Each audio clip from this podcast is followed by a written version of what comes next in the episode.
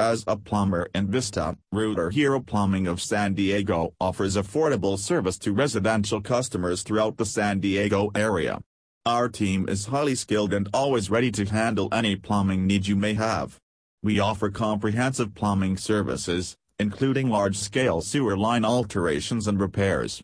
It also provides drain cleaning and toilet repair and replacement as well. For more info, call 619 577 4417.